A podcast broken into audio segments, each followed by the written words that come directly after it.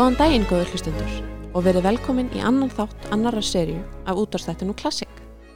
Ég heiti Nanna Kristjánsdóttir og viðfangsefni dagsins í dag er smágerða ljúfmennið Frans Schubert sem á sinni stuttu æfi náði að skrá sig á spjöld sögunar sem eitt fremsta tónskáld síns tíma þegar klassísk tónlist var í þann mynd að hefja það sem kallað hefur verið romantíska tímabilið.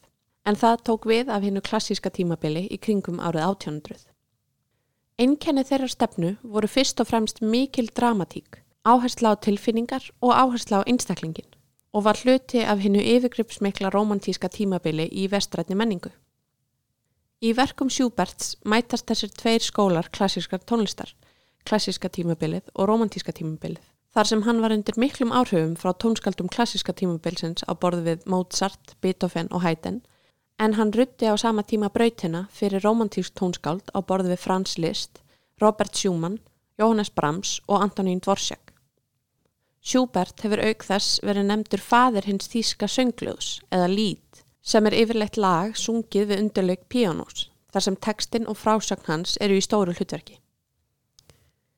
Dæmi um slíkt er þetta hér, Di Forelle eða Silungurinn sem fjallar um ungan sprækan silung sem er veittur af veiðumanni en ljóðið átti að virka sem dæmisaga fyrir ungar konur til þess að vara þær við ágengum vonbyðlum.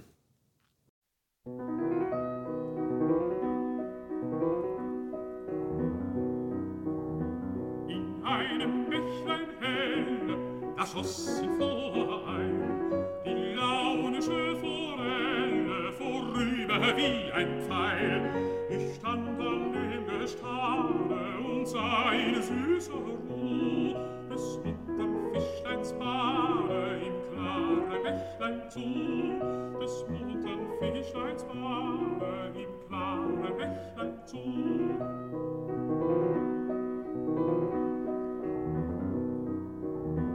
Ein Fischer mit der Rute wohl an dem Ufer stand und saß mit kaltem Blute, wie sich das Fischlein wand. So lang dem Wasser hell, so dacht ich nicht gebricht, so fängt er die Forelle mit seiner langen nicht, so fängt er die Forelle mit seiner langen nicht.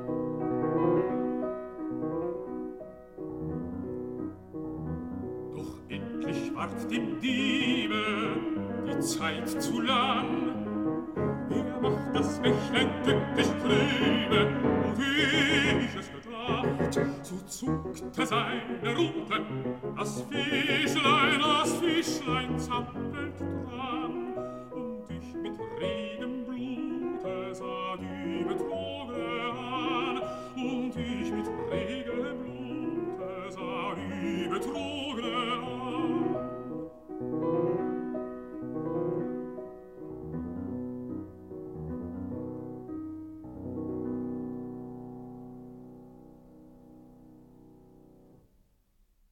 Þarna heyrðu við söngljóðið um sílungin sem Schubert samti við ljóð ljóðskalds sem heitir óþegarlega líku nafni og hann, nefnilega Schubart, árið 1817 þegar hann var 20 ára gamal.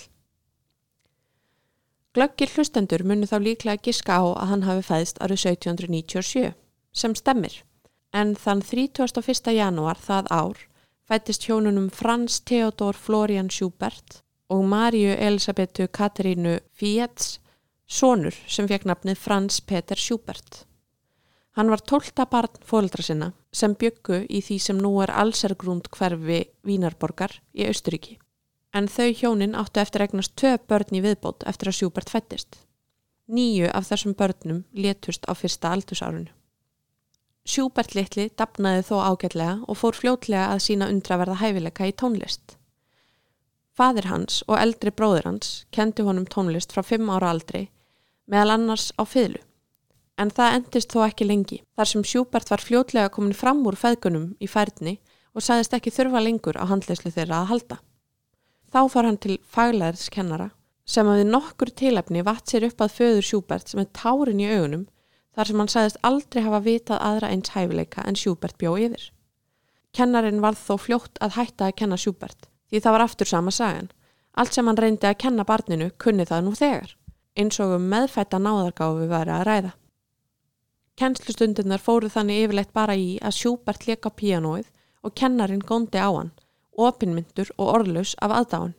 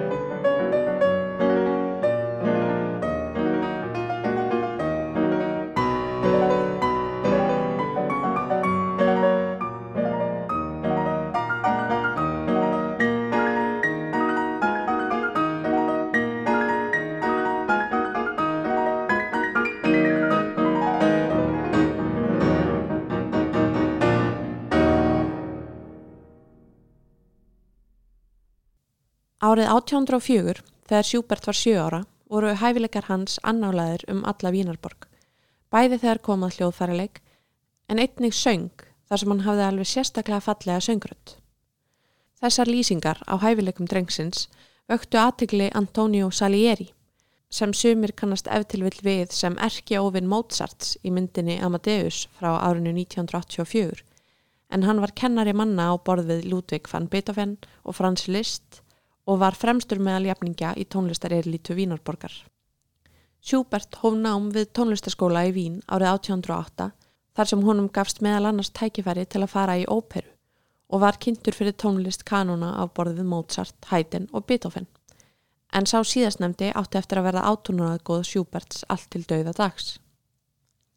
Þegar Schubert fór að sína einstaka hæfileika til tónsmíða í kringum fermingaraldurinn, bauðst Salieri til þess að taka hann í enga tíma í tónfræði og tónsmíðum. Schubert tók undraverðum framförum á því sviði og laug til að mynda 17 ára gamal við sína fyrstu messu sem hann var ráðinn til að semja af kirkji yfirvöldum í heimasókn sinni. Ágætis árangur fyrir gæja sem í dag var í öðrum bekk í mentarskóla.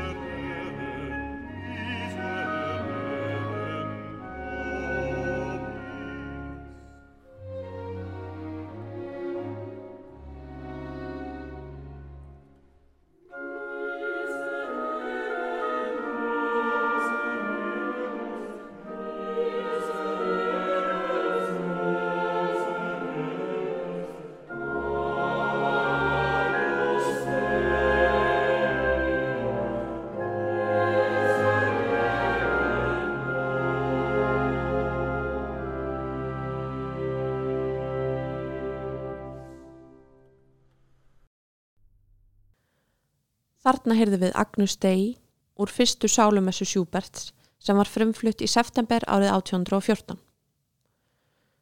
Salieri var í salnum þegar verkið var frumflutt og eftir það er hann sagður hafi gengið upp að Schubert, faðmað hann og sagt að hann ætti eftir að gera sig mjög stoltan í framtíðinni.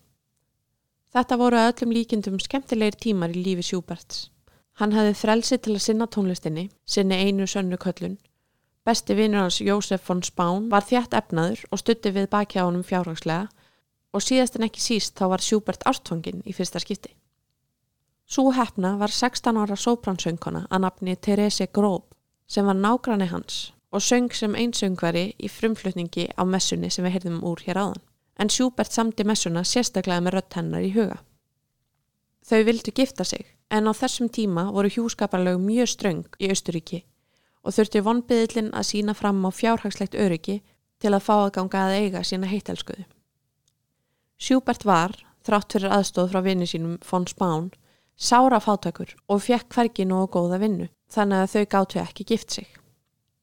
Í loka árs 1816 gerði Schubert loka tilrun til þess að fá vinnu til þess að geta framflett sér og Teresu. Um var að ræða stöðu í Ljubljana sem nú er höfuborg Sloveníu og Schubert var mjög vongóður að fá þá vinnu. En allt kom fyrir ekki og umsókn hans var hafnað. Hann gafst upp, sleitt sambandi sínu við Teresu en sendi henni og fjölskyldu hennar mikið magnað nótum af tónlist eftir sig í kveðjuskinni. Þau verk voru í vörslu grópfjölskyldunar langt fram eftir 20. öld.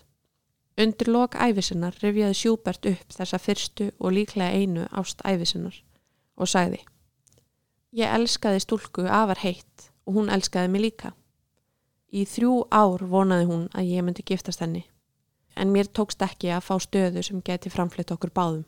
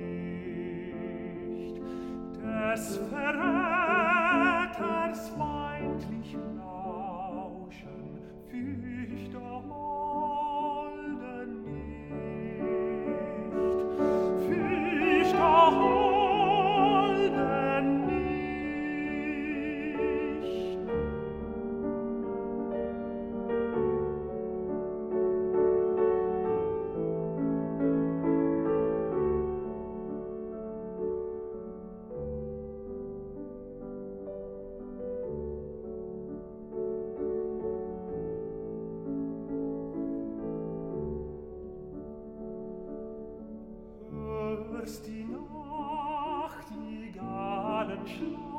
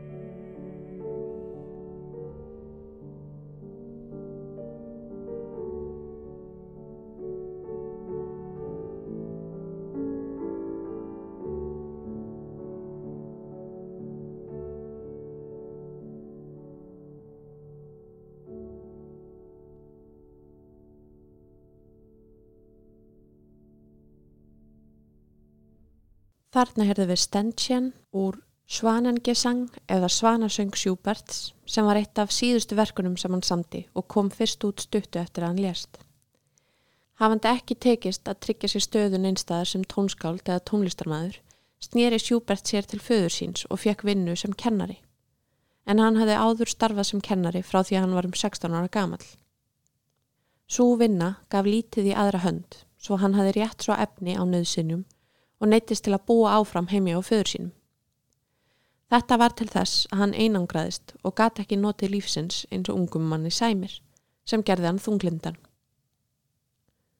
Áður nefndur vinur hans, Jósef von Spán, hafði áhyggjur af Sjúbert og bauð honum að gista hjá sér í nokkrar nætur og mun það hafa verið í fyrsta skipti sem Sjúbert fór í frí um æfina, þá 19 ára gammal. Þetta breyta umhverfi og sjálfstæði frá föður hans gerði Sjúbert gott. Vinur hans tók eftir jákvæðum breytingum í fasi hans og eitt þeirra, ljóðskaldið Frans von Sjöber, sem var af efnuðum ættum, bauð Sjúbert að búa með sér í stóri íbúð sem móður hans átti. Sjúbert tók þessu tilbóði fagnandi, sagði upp sem kennari og flutti inn í loka árs 1816. Nú hafði hann nægan tíma til að semja sem hann sagðist gera frá morgni til kvölds sleitu löst. Flest af þessum verkum voru ekki gefin út, heldur gengum millir vina hans og síðar manna í tónlistarkræðsum Vínarborgar og smám saman egnaðist Sjúbert lítinn en ástriðu fullan hóp aðdáðanda.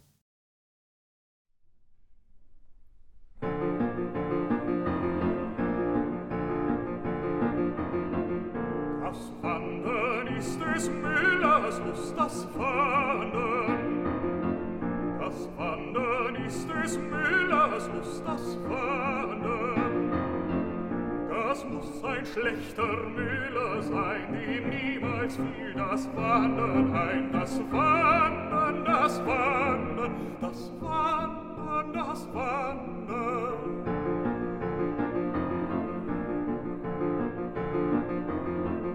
Vom Wasser haben wir's gelernt, vom Wasser. Vom Wasser haben wir's gelernt, vom Wasser. Das hat nicht Rast bei Tag und Nacht, ist stets auf Wanderschaft bedacht. Das Wasser, das Wasser, das Wasser, das Wasser.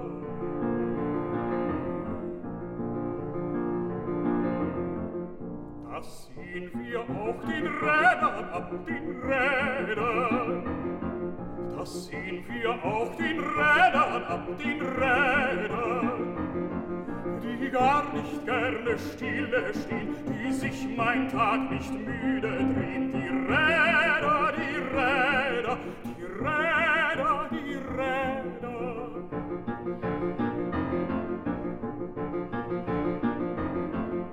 Die Steine selbst so schwer sie sind, die Steine, Steine, selbst so schwer sie sind die Steine. Sie tanzen mit dem munteren rein und wollen gar noch schneller sein. Die Steine, die Steine, die Steine, die Steine.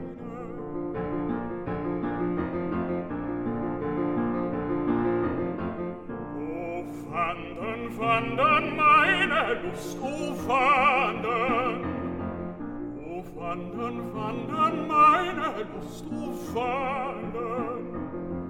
Herr Meister und Frau Meisterin, lasst mich in Frieden weiterziehen und wandern und wandern und wandern und wandern.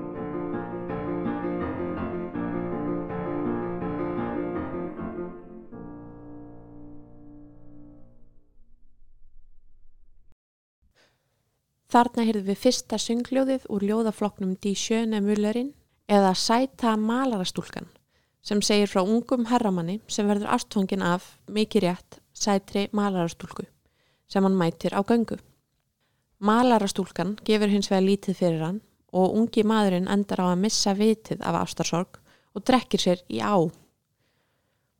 Í þessu fyrsta lægi syngur ungi herran um landslag og náttúrufyrirbæri sem verða á vegi hans á göngunni og píanóið spilar ekki síður stóra rullu en söngvarinn þar sem það leikur eftir hljóð þessara fyrirbæra, svo sem lækjarnið og hljóðið í millu malarastúlkunar. Die Schöne Müllerin er eitt frægasta sapn ljóðusöngva Schuberts sem er eitt af hans sérsviðum eins og áður var nefnt. Stór áhrifavaldur í tónlistarsköpun Schuberts var baritónsöngvarinn Jóhann Mikael Fogl.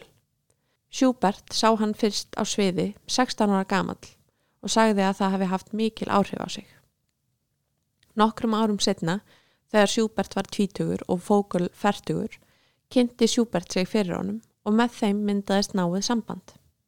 Vogel, sem á sínum tíma var vinsæll söngvari, sá hæfileika Schuberts og bætti verkum hans, þar á meðald í sjöni mullerinn, við katalógin sinn sem hann túraði með um Evrópu. Það átti þátt í því að smám saman jógst tróður Schuberts í tónlistarsjenu Evrópu, þó ekki fyrir alvöru, fyrir en eftir andlát hans. Samband Schuberts og Fogel var alveg sérstaklega náið og það átti eftir að geta af sér mörg af frægustu verkum Schuberts sem hann samdi með rödd Fogel í huga. Meðal annars ljóðaflokkurinn Vinterræsa eða Vetrarferðin en meira um hana síðar. Schubert fekk innblástur frá öðrum vinum sínum líka en skömmu eftir að hann flutti inn með vinu sínum von Schöper nánar tiltekið í mars 1817 þá um tvítugt samti hann lag við ljóð von Schöper Andi Musík sem er þakkaróður til tónlistarinnar sem ljóðmælandi segir hafa bjargað sér á erfiðum tímum og fyllt hjarta sitt af hlýri ást og von.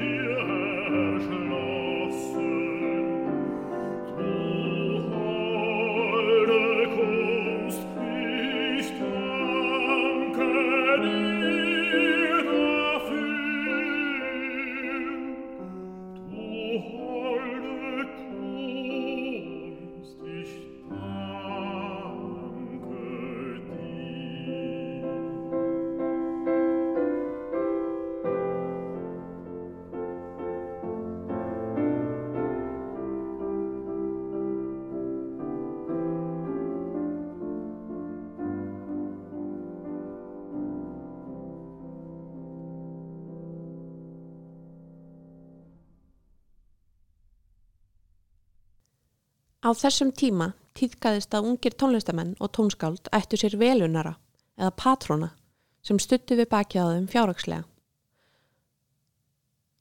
Nær þar að minnast á erki patrónin Nadestu von Meck sem sponsaði merkismenn á borðið Pjótr Tchaikovsky, Nikolai Rubinstein og Claude Debussy. Þrátt fyrir mikla hæfileika tókst Schubert aldrei að koma sér upp slíku sambandi og lifði því alla sína æfi í sarri fátækt og þurfti ofta hætta að semja til þess að afla tekna á annan máta, til dæmis með því að vinna sem kennari. Hann var þannig fyrstur af stærstu nöfnum klassískar tónlistar sem þáði ekki stuðning patróns. Alltaf tókst honum þó að finna tíma til þess að semja og má með sanni segja að afkvöst hans hafi verið ótrúleg. Dæmi eru um að hann hafi safmið yfir 20.000 takta af tónlist á einu ári. Það fjall svo í hlut vina Sjúberts að halda auðtanum, auðlýsa og dreifa verkunum hans. Reglulega voru haldnir svo kallar Sjúbertjatar sem voru kvöldstundir skipulaðar af vinumanns þar sem að fólk kom saman og hlíti á nýjustu og vinsælustu verk tónskálsins knáa. Sjúbert var aldrei sérstakur náðungi. Hann var mjög lágvaksinn eða um 155 cm á hæð og gekk með alveg pingu lítil gleru. Hann var vinamarkur og mjög náinn vinum sínum en ekki er vita til þess að hann hafi átt í romantísku sambandi með konu eftir klúðrið með Teresu á sínum tíma. Margir hafa haldið í fram að Sjúbert hafi verið samkynniður í ljósi þess að hann átti marga nána kallkynnsvini og var ekki í slagtói með konum svo vitið sér til, en ég ætla ekki að fullir það um það hér.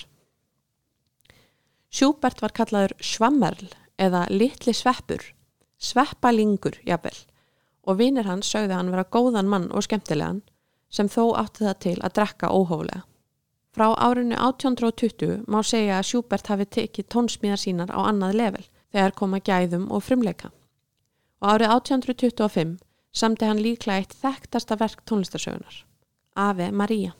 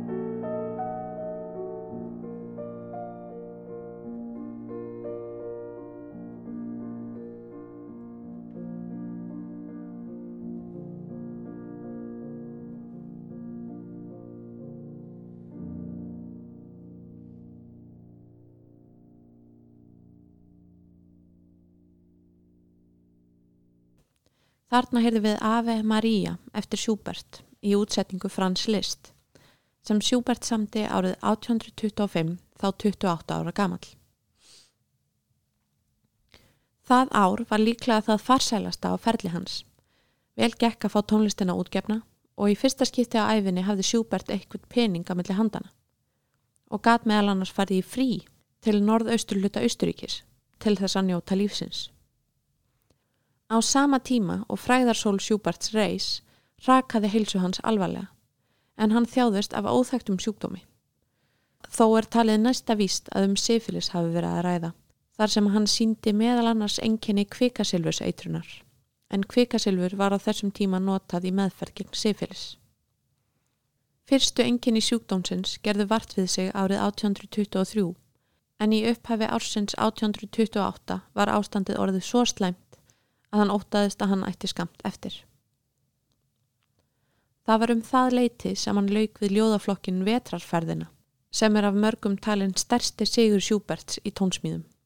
Hér, líkt og í Die Schöne Müllerinn, leikur píanóið ekki síður stort hlutverk en söngvarinn. Það sem skilur verkinn þó að er að Vetrarferðin er afar þungt verk og ángist helsjúk Sjúberts yfir yfirvonandi dauða sínum er áþreifanleg.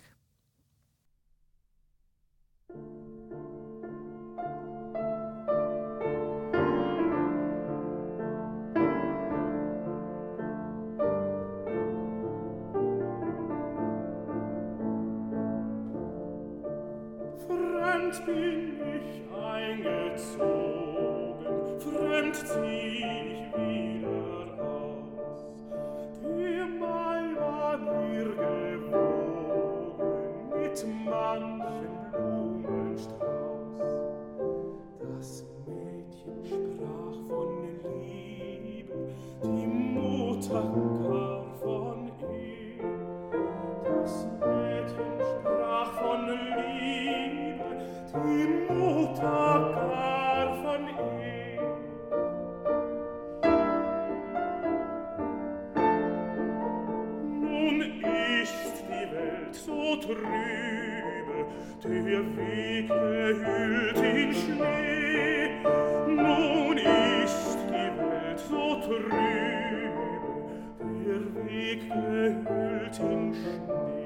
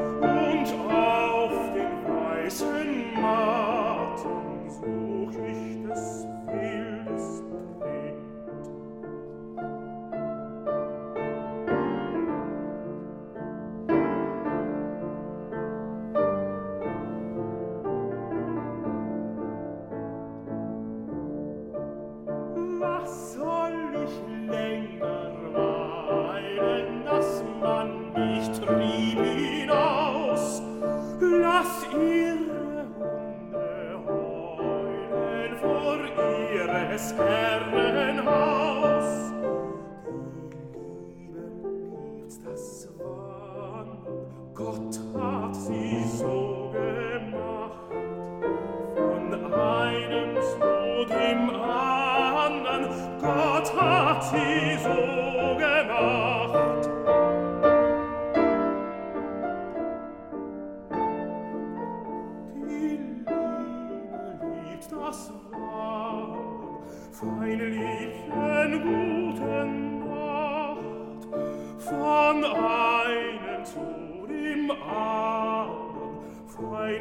Mädchen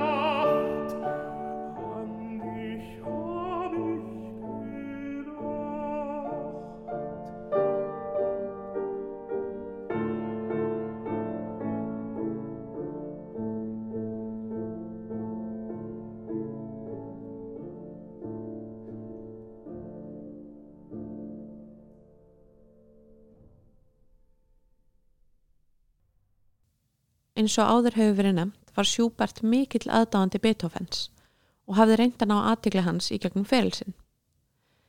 Þeir hittust árið 1822 en sá fundur virðist ekki hafa verið eftirminnilegur. Hins vegar vakti Schubert aðtigli Beethovens stuttu áður en hann dó og er hann sagður hafa rósað Schubert á dánarbeði sínu.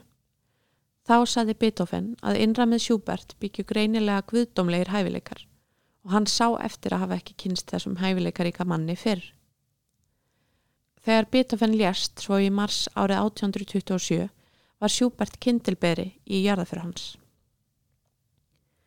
Árið setna á eins árs ártíð Beethovens voru haldnir fyrstu ofinbyrju tónleikar með verkum Schuberts sem átti því miður eftir að vera eina skiptið sem Schubert sá verkin sín flutt á tónleikum því aðeins nokkrum mánuðum síðar var hann sjálfur dáin.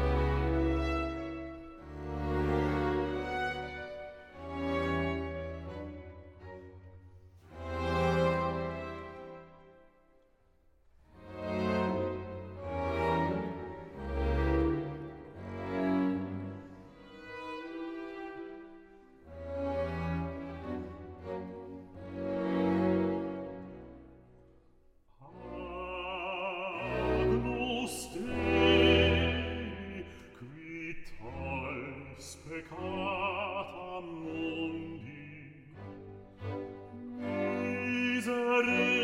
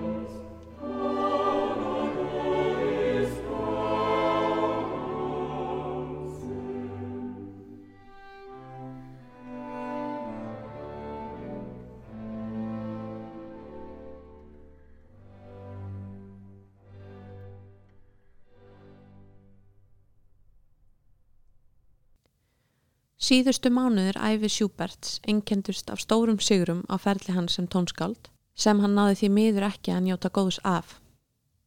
Frans Sjúbert lést hann 19. november 1828 aðeins 31 árs gamall. Hann var lagður til hinstu kvílu skamt frá gröf átrúnaðagóð síns Beethovens sem hafði látist rúmu ári áður. Fimm dögum áður hann að Sjúbert dó ákvað vinur hans Fyðluleikarinn Karl Holtz að glæðja Sjúbert með loka tónleikum þegar orðið var ljóst að hann myndi innan skams hveðja þennan heim. Hann sapnaði því saman strengjakvartett sínum í Svefnabergi Sjúberts til þess að spila fyrir hann áður en hann lést. Sjúbert óskaði þess að fá að heyra strengjakvartett nr. 14 eftir Beethoven og var þetta síðasta tónlistinn sem Frans Sjúbert heyrði áður en hann lést.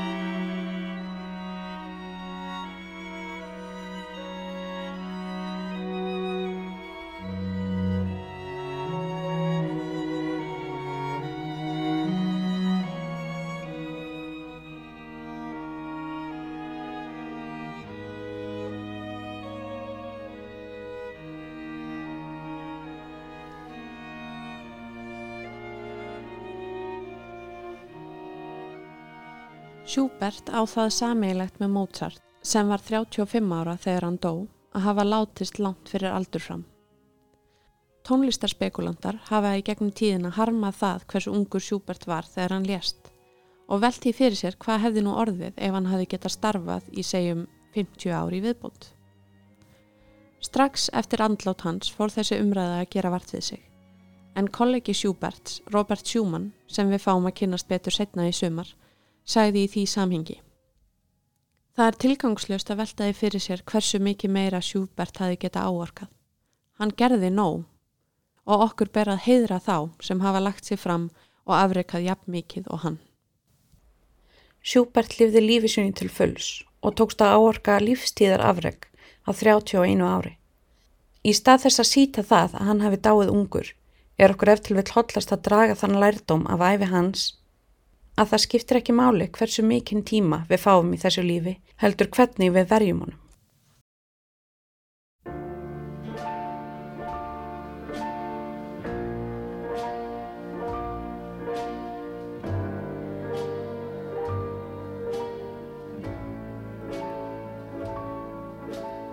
My serenade begins in the night.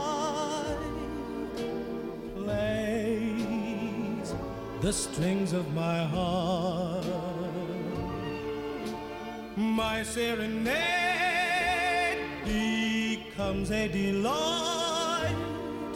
Your kisses help play a part. Sweet and strong love plays its song, and our hearts begin